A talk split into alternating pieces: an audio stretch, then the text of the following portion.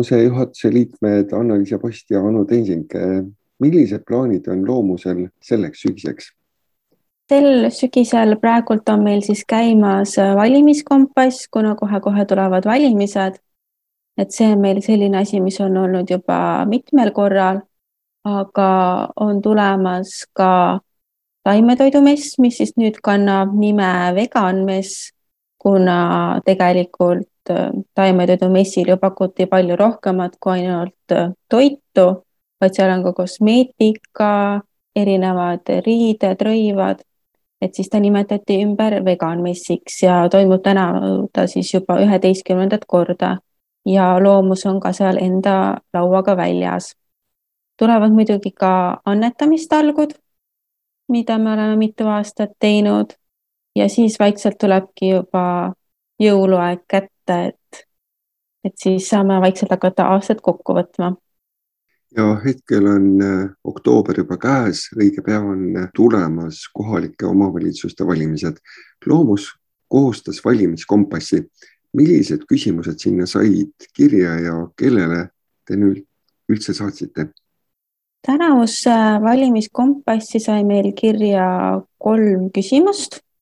esimene oli ilutulestiku kohta, et kas kohalik omavalitsus peaks kutsuma eraisikuid üles mitte korraldama ilutulestiku aastavahetusel, pidades silmas loomade heaolu. teiseks küsisime varjupaikade kohta, et kas kohalikul omavalitsusel peaks olema koostööleping konkreetse varjupaigaga ja kolmandaks küsisime seda, et kas äh, vegantoit peaks olema kättesaadav haridusasutustes ja neid küsimusi aitasid meil välja töötada Eesti Vegan Selts, Eesti Loomakaitse Liit ja Varjupaikade MTÜ. mis selle valimiskompassi selline peamine eesmärk on? Äh, valimiskompassil on tegelikult äh, mitu eesmärki, et ühest küljest see aitab valijatel teha teadlikku otsust, et ta saab näha, millised kandidaadid äh, lähevad äh, tema vaadetega kokku, mis on nende seisukohad. teisest küljest aitab see levitada sellist loomasõbralikku sõnumit. kui me oma kompassi jagame, siis teised inimesed ka näevad, et tegelikult need on ju olulised küsimused ja teemad, et nende peale võiks mõelda ja kindlasti see valimiskompassi küsimustikule vastamine paneb ka poliitikuid mõtlema, et mis tegelikult on ikkagi nende jaoks prioriteetne, mis on oluline, kas nad äkki võiksid äh, tulevikus oma valimisprogrammi mingisuguseid teemasid lisada või siis nende teemadega juba varem tegelema hakata. me tegelikult saatsime küsimustiku välja vist äh, ligi seitsme tuhandele kandidaadile, aga praegult on vastanuid on natukene üle seitsmesaja, mis on tegelikult ju ikkagi päris suur number. hästi suur rõõm on, et neid kandidaate on tõesti igast maakonnast ja igast maakonnast ma ütleks, et on kuskil vähemalt äh, kahekümne ringis neid. et muidugi suurematest maakondadest on neid vastajaid rohkem. ja hästi erinevatest erakondadest ka et tegelikult ju meie kompassi eesmärk ei olegi see, et kõik need vastused peaksid olema üleni positiivsed, vaid kui mõni kandidaat ei nõustu nendega, siis ta ju võibki vastata, et temale näiteks see ei meeldi. Ja mõne küsimuse puhul tegelikult ei olegi nii, et on jah või ei ainuõige vastus, vaid kui lugeda ka seda kommentaari, mille kandidaadid saavad soovi korral jätta siis võib sealt välja tulla, et tegelikult ta on ikkagi väga loomasõbralik, aga ta lihtsalt näeb lahendust võib-olla mõnes teises võtmes. kuskohast äh, huviline valimiskompassi üles leiab? valimiskompassi leiab üles näiteks äh, Loomuse kodulehelt, meie sotsiaalmeediast või siis lihtsalt, kui panna otsingusse loomus.ee kaldkriips valimiskompass millised küsimused sinna valimiskompassi sisse said? esimeseks küsimuseks oli siis see, et kas äh, kohalik omavalitsus peaks kutsuma eraisikuid üles mitte korraldama ilutulestikku aastavahetusel, pidades silmas loomade heaolu. ja hästi tore on näha, et tegelikult äh, päris paljud kandidaadid pooldavad seda, et kuskil kuuskümmend neli protsenti ja sellisele neutraalsele seisukohale on jäänud kakskümmend viis protsenti. ja kui nüüd nende vastuseid lugeda, siis tegelikult päris tihti tuleb välja see, et äh, nad pakuvad mingisugust muud alternatiivi, et, äh, et näiteks äh, ära ei tasuks keelata, aga võiks olla näiteks üks suur ilutulestik või siis kuidagi piirata seda müüki. ja miks me selle küsimuse üldse panime, on siis tegelikult ju see, et ilutulestiku ajal on päris suured sellised ähm, valjud paugud, valgussähvatused, mis siis häirivad loomi ja tekitavad stressi. et kuna Anul on endal kodus kassid, siis tema võib-olla oskab rääkida ka sellest, et kuidas see siis äh, tema kassidele näiteks mõjub. ja see oli hästi huvitav tegelikult lugeda neid vastuseid ka, sest et osad kirjutasidki, et noh, et neil on koer näiteks ja tema tohutult kardab, onju aga minul kassid kusjuures ei karda, mis on nagu naljakas ja minu jaoks natukene üllatav, et mäletan, kui ma võtsin esimese kassi, siis ma tegin talle kohe nagu vannituppa pesa, et äkki kardab, onju, aga tema lihtsalt istus aknalaua peal ja vaatas. et see, minu kassid ei karda, aga väga paljud tegelikult kardavad. Äh, ja noh, see on tegelikult küsimus ju laiem, et ei ole ainult koduloomad, on ka metsloomad ja ka siin linna vahel elab ju igasuguseid loomi ja linde. see üleskutsumise küsimus oli ka selles mõttes huvitav, et päris mitmed vastasid, et ei saa keelata, äh, mida nagu me ka ei küsinud.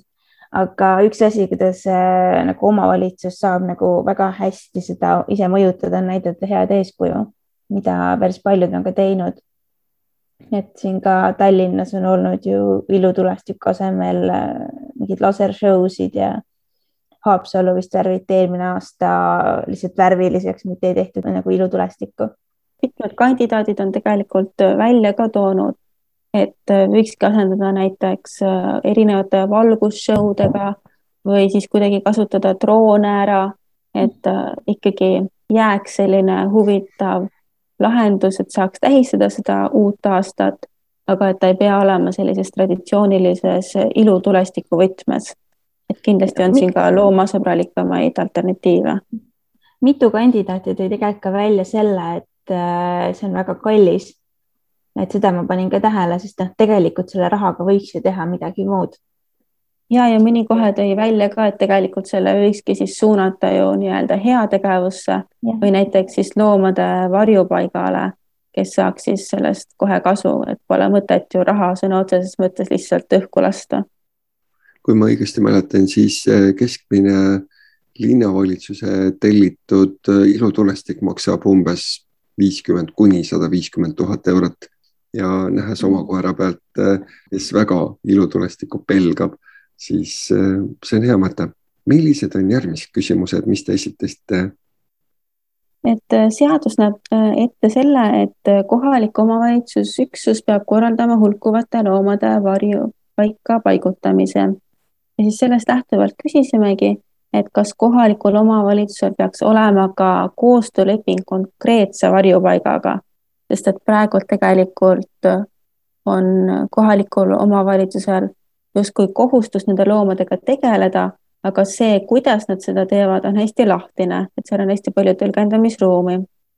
ja siin oli hästi suur toetus, et kuskil kaheksakümmend viis protsenti on selle poolt et äh, võikski olla siis koostööleping konkreetse varjupaigaga. ja vastu sellele on ainult kuskil viis protsenti ja need, kes jäid neutraalsele kohale, seisukohale, nemad tõid ka välja, et tegelikult võiks siis olla ju see leping näiteks mitme varjupaigaga või nad proovisid leida kuidagi teisi lahendusi, et see tähendanud ka seda, et äh, see, et nad polnud sada protsenti poolt, et nad oleksid vastu. et hästi tore, et äh, kandidaadid siiski näevad selles probleemis tähtsust ja nad mõtlevad, et kuidas seda lahendada saaks. see on tegelikult äh, suurem probleem, kui ma arvan, et enam inimesed mõistavad, sest äh, see ongi, et seaduses on kirjas, et kohalik omavalitsus peab tegelema. aga noh, ma olen ka tegelenud kodutute kassidega mõned aastad ja probleem tihtipeale ongi see, et kohalik omavalitsus nagu peaks tegelema, aga reaalselt, kas sa ei saa vastust või siis äh, saad midagi ebamäärast et noh, tihtipeale ongi see, et sul pole isegi inimest, kes sellega tegeleks ega mingeid kokkuleppeid, see ongi hästi raske, et kui sa saad näiteks väljaspool noh, Tallinnat äh, mõnes väiksemas äh, kohalikus omavalitsuses äh, kodutu kass, siis sa ei saagi suurt mitte midagi teha. see on tegelikult MTÜ-dele ja varjupaikadele on see väga suur probleem. ja tegelikult ega igas kohalikus omavalitsuses ei pruugi üldse ollagi enda varjupaika, vaid tehakse koostööd mõne kusagil mujal oleva varjupaigaga üldse.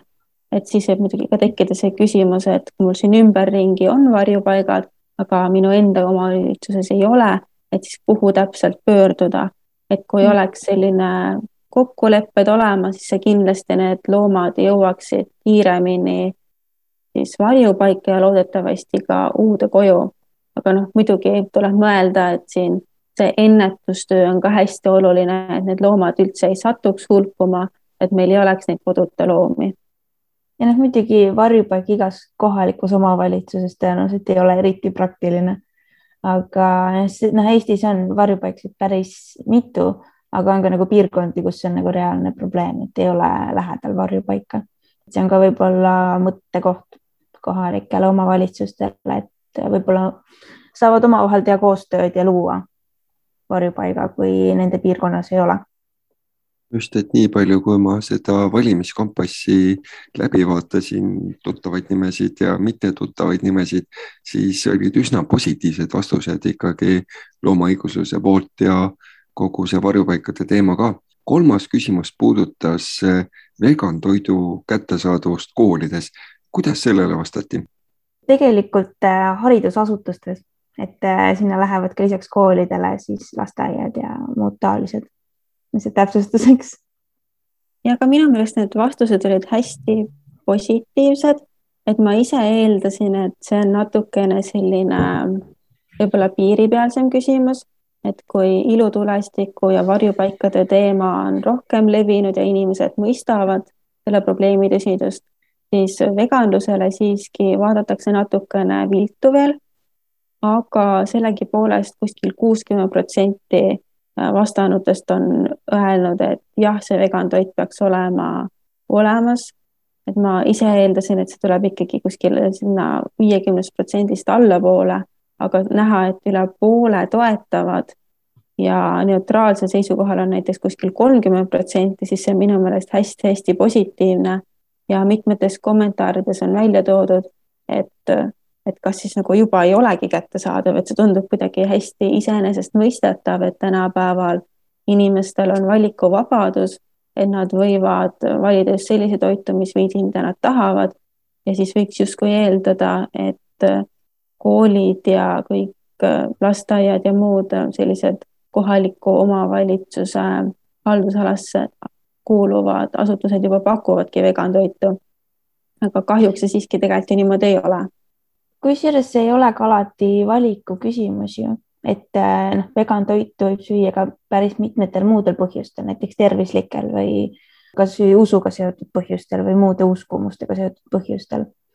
et noh, küsimus on tegelikult ju kättesaadavuses, et kui vastuseid lugeda, siis oli ka hästi huvitav, et osad ikka vastasid, et nad ei tohi peale suruda või siis samas need, kes vastasid neutraalselt, tegelikult olid väga avatud sellele mõttele aga lihtsalt äh, võib-olla tundsid, et see on liiga keeruline. et võib-olla see on see koht, kus saab jälle nagu harida ja teavitustööd teha, et see vegan toidu pakkumine ei pea alati olema keeruline või ka kallis. jah, et vegan toit tegelikult võibki olla veits selline kaks ühe hoobiga variant, kus näiteks koolis on olemas ka laktoositalumatusega õpilased, sest et kui neil, nad ei tohi tarbida laktoosi, siis neile sobib ka vegan toit väga hästi et siis saab see mitu muret ühe korraga ära lahendada. ja kindlasti nagu mõned kandidaadid ka välja tõid, siis äh, eesmärk jah, ei ole see, et niimoodi sunnime, et nüüd teil peab olema see vegan toit valikus, vaid ta peaks olema üks võimalustest, et kui on õpilasi ja lasteaialapsi, kes soovivad vegan toitu ja kui nad sellest teada annavad, et neil oleks võimalus seda saada. ja et see ei tähendaks, tähendaks siis muidugi ka seda, et ta peab äh, tooma mingisugused arstitõendid, täitma hullult palju pabereid, vaid see võiks olla niisugune lihtne, ma lähen ütlen, et ma nüüd soovin ja siis haridusasutus tuleb vastu ja aitab. see on eriti just võib-olla kõrgemates klassides, kus on noored inimesed tegelikult väga paljud juba valivadki vegan toidu. Et äh, ma arvan, et see on noh, gümnaasiumis võib-olla päris teemakohane päris paljudes koolides. ja tegelikult Eesti Vegan Selts siin eelmisel või üle-eelmisel aastal uuris ka, et milline on üldse vegantoidu kättesaadavus haridusasutustes ja tegelikult see tulemused ei olnud just äh, eriti head, et on selliseid koole näiteks, kus on võimalik saada vegantoitu, aga sageli ikkagi ei ole seda võimalust, et võib-olla on olemas näiteks taimetoit, aga see taimetoit siis tähendab seda, et ei ole vegan, vaid on lihtsalt ära jäetud liha. aga meie siin ikkagi mõtleksime pigem seda, et taimetoidu asemel võiks olla siis täistaimne ehk täitsa vegan. et mina enda kooliajast mäletan ka, et tollal ma olin küll loobunud ainult lihast, alles gümnaasiumis ma hakkasin veganiks aga koolitoiduga oli päris keeruline, sest et enamasti olid need loomsed koostised sinna toidu sisse kõik niimoodi ära peidetud ja ei saanud niimoodi eraldi võtta. või kui tahtsid midagi täiesti taimset süüa, siis pididki näiteks võtma kartulit ja salatit, aga see ju tegelikult ei ole kindlasti täisväärtuslik. et ikkagi oleks seda valgu poolt sinna ka juurde vaja ja mõnikord tehakse näiteks ka salateid ju majoneesiga, et sel juhul jälle see veganitele ei sobi. kui mina keskkoolis käisin, siis ka ei olnud mitte mingit vegan toitu, polnud isegi nagu lihavaba toitu tegelikult. kui ma õigesti mäletan, mina ei söönudki koolilõunat terve gümnaasiumi aeg. et see on jah, tegelikult noorel inimesel ikka peaks olema võimalus koolis süüa ja mõned äh, toovad argumendina välja selle, et oi, vegan toit, et see ei ole piisavalt täisväärtuslik ja noor kasvav organism vajab liha ja mis iganes, aga tegelikult äh, ja koolilõuna on ju ainult üks toidukord meie päevast ja on ju teada, et tegelikult eestlaste toidulaual on liiga palju loomseid tooteid, eriti liha. seega miks mitte siis äh, pakkuda koolis seda tervislikku alternatiivi mingisuguse taimetoidu näol. ja no tegelikult on ka vegan toit äh, tervislik. et seda ka tunnistavad üle maailma terviseorganisatsioonid, et ta on igas ja, eluetapis tegelikult äh, tervislik, aga noh, ta tuleb läbi mõelda nii nagu igasugune teistsugune toitumine, et ei ole oluline, kas sa oled nagu vegan või äh, oled loobunud lihast või sööd kõike, toitumine tuleks nagunii läbi mõelda. ja jah, noh, tegelikult ongi ju päris mitmes riigis äh, vegan toit niimoodi heaks kiidetud ka noorematel lastel ja mõned toovad ka välja selle, et oi, vegan toit on nii kallis. aga siin on pigem selline valikute küsimus, et kas ma lähen ja ostan mingisugused valmis äh, kotletid mingisugused lihaasendustooted, mis ongi kallid või ma siis mõtlen sellistele lihtsamatele lahendustele, et näiteks äh, oad, kikerherned, läätsed, mis on ju tegelikult väga toitvad, aga mille hind on palju rahakotisõbralikum ja võimaldab siis ka selle summaga, mis on mõeldud koolitoidu jaoks siis toime tulla sellega, et saaks sellise täiesti korraliku koolilõuna. üks äh, teine väga vahva asi, mis peagi saab toimuma, kahekümnendal oktoobril kell kaheksateist on Tallinn Fashion Weeki raames äh, julmusevaba moeshow. see on olnud üks loomuse pikaaegseid unistusi. mida see endast kujutab ja mis seal toimuma saab? nii nagu nimigi ütleb, siis äh, julmusevaba moeshow tähendab seda, et need moeloojad, kes lavalaudadele tulevad, et nemad ei ole oma loomingus kasutanud mitte ühtegi loomset materjali.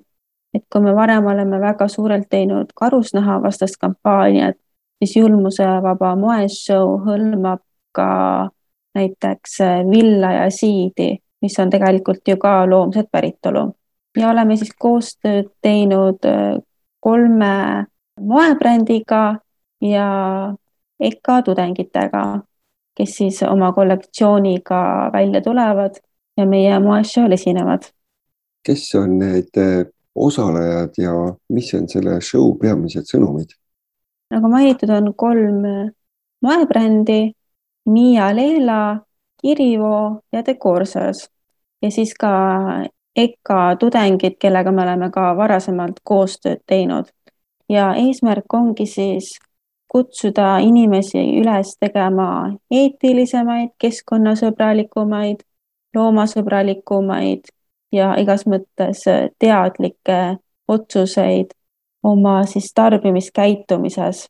seda siis äh, nii tarbijatele, et äh, nemad mõtleksid selle üle, mida nad ostavad ega et ka moeloojad mõtleksid, et kas nad ikka peavad näiteks seda nahka kasutama või võiks äkki mõelda mõnele loomasõbralikumale alternatiivile. ja see kõik äh, toimub siis for free retailer programmiga koostöös? ja et kõik need moeloojad, kes osalevad, Nemad on siis liitunud Fur Free Retailer programmiga, mis on rahvusvaheline karusnahavaba programm. Et Eestis on seal liitujaid juba üle seitsmekümne. see tähendab siis seda, et nemad enda loomingus üldse karusnahka ei kasuta.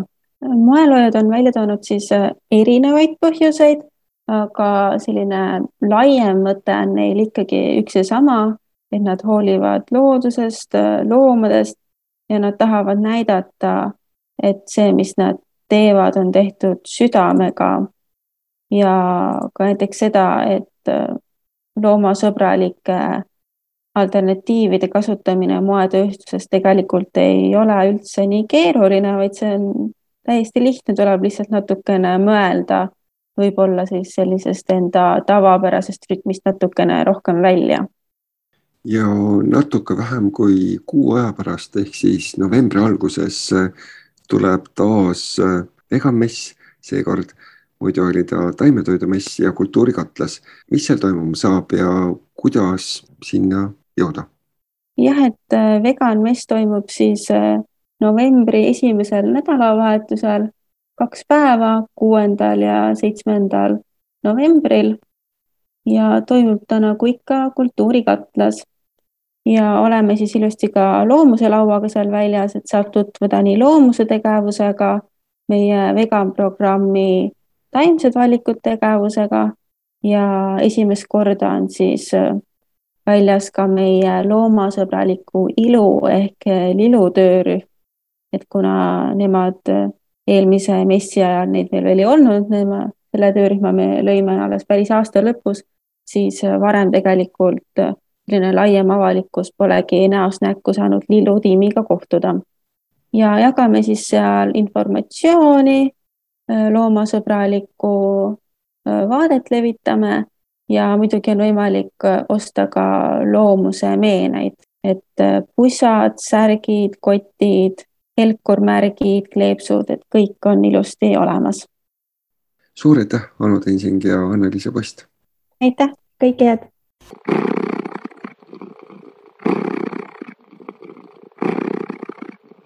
hea Loomade Hääle kuulaja, nüüd on ka sinu võimalus omapoolselt loomust toetada.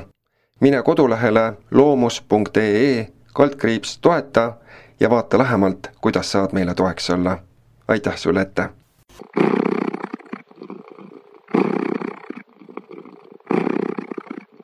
me räägime täna Loomade Hääles lähemalt sellisest raamatust nagu Peeter Singeri teos Loomade vabastamine mul on hea meel tervitada Martin Karbust, Loomuse liiget. tere, Martin! tere! Kuidas see raamat üldse sinuni jõudis ja miks sa otsustasid seda tõlkida? see otsus tõlkida sündis nagu sellest, et äh, kuna see raamat on, seda peetakse nagu loomaõigusliku liikumise selliseks alustekstiks, võib öelda ja kuna ma ise olen selles liikumises Äh, pikalt äh, kaasa löönud, siis äh, tekkiski mõte see tõlkida eesti keelde. ja mulle tundus, et sellel oleks selline sümboolne tähendus, et selline loomaõigusliku liikumise alustekst on siis jõudnud eesti keelde ja et eestikeelsele lugejale oleks võimalus nagu tutvuda selle teooriaga eesti keeles. Milliseid teemasid Singer selles raamatus välja toob? seal raamatus on nagu noh, põhiargument on üsna lihtne, et põhimõtteliselt ta üleüldiselt tõstatab selle teema, et me peaksime oma otsustes arvestama ka loomadega. et see oli sellel ajal, kui ta raamatu kirjutas, üsna haruldane seisukoht, aga nüüd on see rohkem levinud ja sellest järeldub ka, et äh, loomade kannatustega peab äh, arvestama ja ei tohiks äh, asjatuid kannatusi põhjustada. ja see on nagu see filosoofilisem pool ja praktilise poole pealt, et kuna Singer just tegeleb praktiliste küsimustega eelkõige, siis ta vaatleb kahte tööstusharu, loomkatseid kirjeldab seal igasuguseid jubedaid katseid, mida USA-s äh, tehakse. ja samuti vaatleb ta ka toidutööstust ja kuidas loomad äh, siis kannatavad tööstusliku loomapidamise käigus äh, suurfarmides. ja praktilise nagu järeldusena toob ta välja, et inimesed peaksid hakkama taimetoitlaseks, et mitte toetada seda julma tööstust. üks peatükk käsitleb siis praktilist külge, et kuidas taimetoitlaseks hakata. tänapäeval jällegi seda infot on hästi palju, aga tol ajal oli see veel haruldane ja lisaks ta nagu käsitleb üleüldiselt sellist mõttelugu, mis puudutab loomi ja nende moraalset staatust. Ja samuti erinevaid vastuargumente, mis võivad inimestel tekkida loomade vabastamise ideele.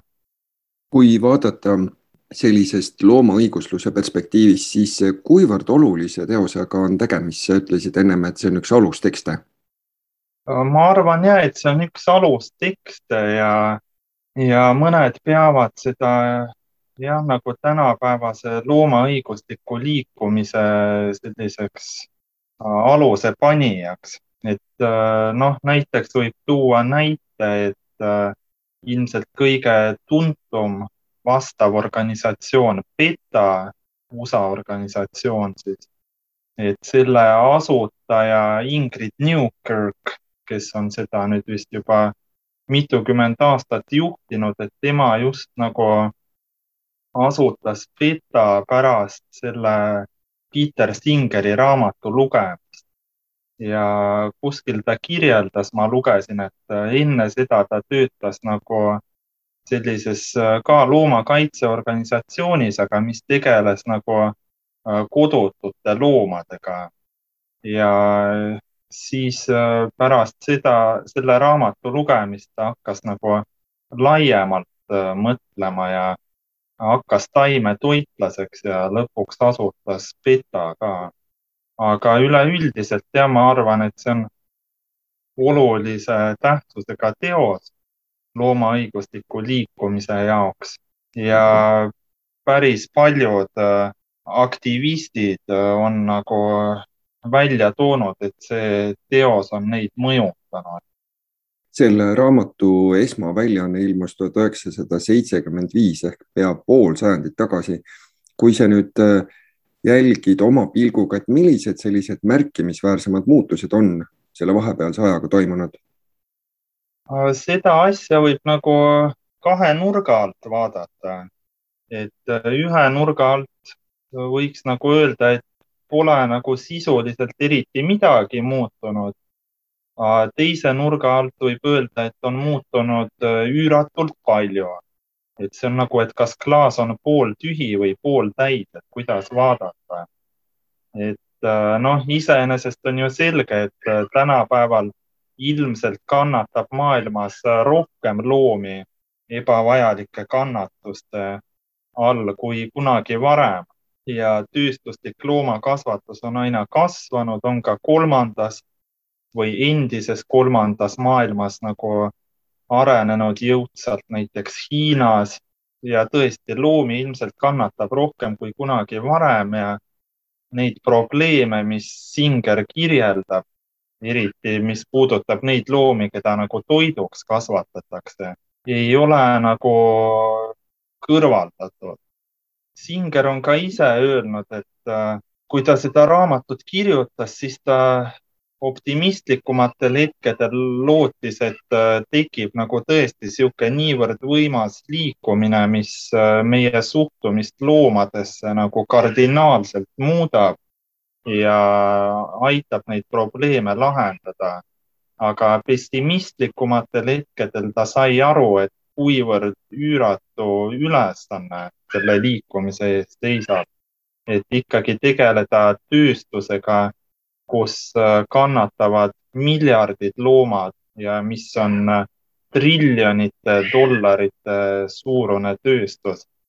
et äh, seda ei ole lihtne muuta ja muuta nagu niivõrd sisse juurdunud tavasid inimühiskonnas, nagu seda on näiteks liha söömine. Nii et jah, sõltub, kuidas vaadata, ma arvan, see lõpptulemus on olnud kuskil vahepealne aga kindlasti, mida saab välja tuua positiivse külje pealt, on see, et üleüldse on hakatud äh, rääkima loomade õigustest, loomade heaolust, et seda peab arvesse võtma. Äh, see teema muutub ühiskonnas aina olulisemaks ja on ka kahtlemata seaduslikel äh, tasanditel tehtud positiivseid otsuseid. näiteks ära keelustatud mingeid äh, tegevusharusid, äh, kus äh, loomad piinlevad, kas või Eestist võib välja tuua karusloomatööstuse või tsirkuseloomade tööstuse. Ja samuti on parandatud heaolu tingimusi paljudes riikides põllumajandusloomadel ja filosoofia tasandil, akadeemilises maailmas on see debatt nüüd äh, väga oluline ja laialt levinud, et äh, enne Singeri raamatut taaskord sellest nagu eriti ei räägitud, sellest teemast, see, see polnud nii-öelda mainstream teema. nii et äh, on olnud kindlasti ka positiivsed, aga nagu Singer ise on öelnud, et selleks, et näha, kui palju on muutunud, piisab sellest lihtsalt, et minna üle tänava nurga McDonaldsisse ja vaadata, mis seal toimub. Singer on see autor, kes on toonud ka käibele spetsiesismi mõiste. mida see endast kujutab? just nimelt, et äh, pärast Singeri raamatut äh, läks see laialt käibele. tegelikult esimest korda minu teada võttis selle mõiste kasutusele Richard Raider, kellelt siis Singer on ka nagu laenanud materjali. aga pärast Singeri loomade vabastamist siis tõepoolest läks see mõiste laialt käibele ja spetsialism tähendab siis põhimõtteliselt diskrimineerimist, aga liigi põhjal, et kui on näiteks rassism, on rassi põhjal diskrimineerimine seksism on soo põhjal, siis spetsiesism on just liigi põhjal. ja mida see siis täpsemalt tähendab, on see, et äh, kui me arvame, et äh, näiteks loomad on äh, vähem tähtsad lihtsalt sellepärast, et nad on loomad, et see ongi ainus põhjus, miks me arvame, et neid on okei okay halvasti kohelda, kas või piinata selleks, et Äh, meie inimeste vajadusi rahuldada. et see ongi spetsiesism. Äh, ja siis, kuidas Singer seda nagu seab kahtluse alla, et ta, ta toobki välja, et tegelikult ei ole nagu mingeid põhjuseid loomi kohelda halvemini lihtsalt sellepärast, et nad on loomad, kuna nad tunnevad valu ja kannatusi samamoodi nagu inimesed ja seetõttu tuleks äh, neid äh, kannatusi ka arvesse võtta ja mitte põhjustada ilmaasjata kannatusi. et äh, see on nagu samasugune loogika, et nagu rassismi ja seksismi vastu. kui me tõlkimise juurde veel läheme, siis räägi, mis oli sinu enda jaoks tõlkimise juures kõige põnevam? minu enda jaoks oli vist kõige põnevam, ma arvan, see peatükk, mis nagu käsitles äh, põhimõtteliselt spetsiesismi ajalugu või siis äh, noh, täpsemini siis Singer vaatles seal peatükis põgusalt, äh, kuidas on loomadest ja nende moraalsest staatusest kirjutatud ajaloo vältel, alates siis juba eelkristlikust ajast ja antiik-Kreekast ja kuni valgustusajani ja tänapäevani välja. et see oli minu arust selline päris äh, huvitav koht, et kus siis äh, erinevate ajastute filosoofide seisukohti kirjeldati, et mida nad loomadest arvasid ja, ja milliseid õigustusi näiteks on toodud sellele, et loomi võib inimeste vajaduste jaoks ära kasutada. Ja muidugi tõlkimise juures on ka äh, päris palju selliseid termineid, mida eesti keeles varem äh, ei olnud laialt kasutusel.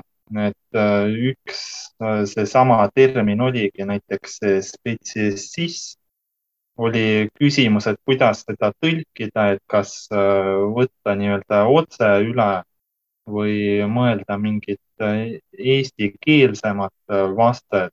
seal sai erinevaid variante kaalutud, aga lõpuks tundus see spetsiesism ikkagi kõige sobivam, sest teistel variantidel olid kõikidel mingid oma niisugused semantilised äh, probleemid ja siis näiteks äh, see, et Äh, kuidas üldse keeles äh, me ütleme, me viitame nagu loomadele, onju, räägime loomadest, aga tegelikult äh, bioloogiliselt on inimliik ju ise ka loom. inimesed ja loomad, et nende vahel ei ole nagu niisugust vastandust.